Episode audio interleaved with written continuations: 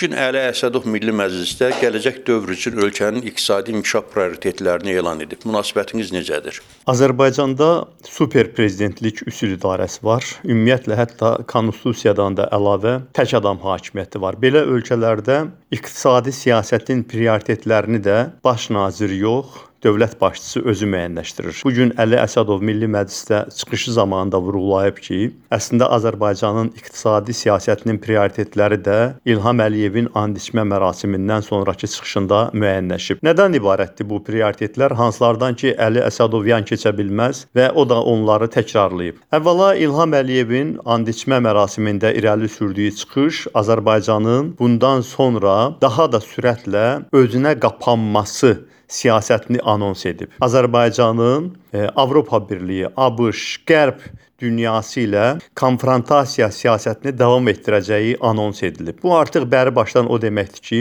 e, Azərbaycanın iqtisadiyyatı şaxələndirmək, ölkəyə investisiya, texnologiya cəlb etmək imkanları məhdudlaşacaq və ölkənin iqtisadi açılıma getmək kimi bir planı yoxdur İlham Əliyevin. İkinci prioritet olaraq İlham Əliyev yenə də müharibədən, silahlanmadan danışıb. Yenə də yaxın illərdə ölkənin əsas prioriteti demək bu nə hərb, nə sülh vəziyyətini davam etdirmək olacaq, ordu quruculuğu olacaq, ölkənin resurslarının böyük bir hissəsinin yenə də silahlanmaya cəlb edilməsi olacaq və bu da onu göstərir ki, demək Əli e, Əsədovun nə düşünməyindən asılı olmayaraq e, militarizasiya, e, orduya çoxsaylı milyardların xərclənməsi qarşıdakı illərdə əsas prioritet olacaq. Və nəhayət Növbəti real prioritet işğaldan azad edilmiş Azərbaycan regionlarının bərpasına böyük vəsaitlərin qoyulması olacaq. Azərbaycanın iqtisadi imkanları ildən-ilə azalır. Neft istehsalı və ixracı azalır.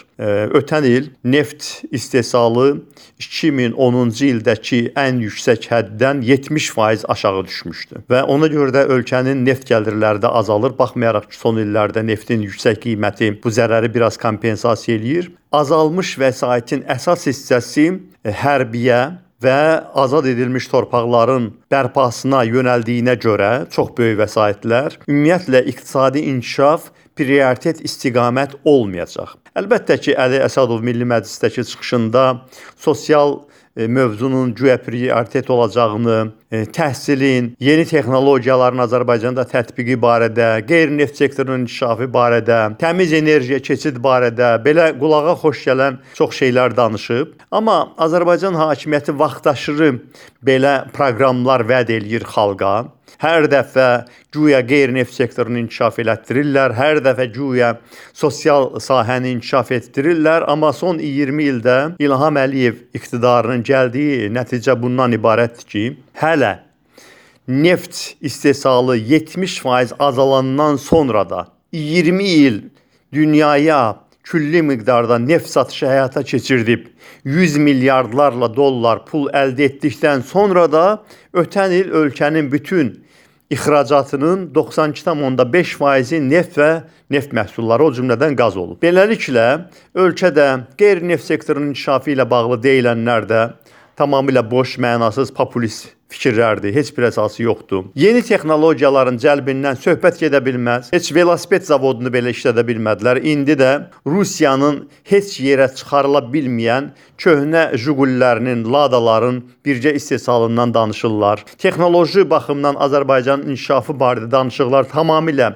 boş şeylərdir. İnformasiya texnologiyalarının tətbiqi ilə bağlı İlham Əliyevin dedikləri isə praktik əhəmiyyət kəsb eləmir. İnformasiya texnologiyalarının inkişafı ilə bağlı bir mərkəz yaradıblar və o mərkəz xakerliklə məşğuldur.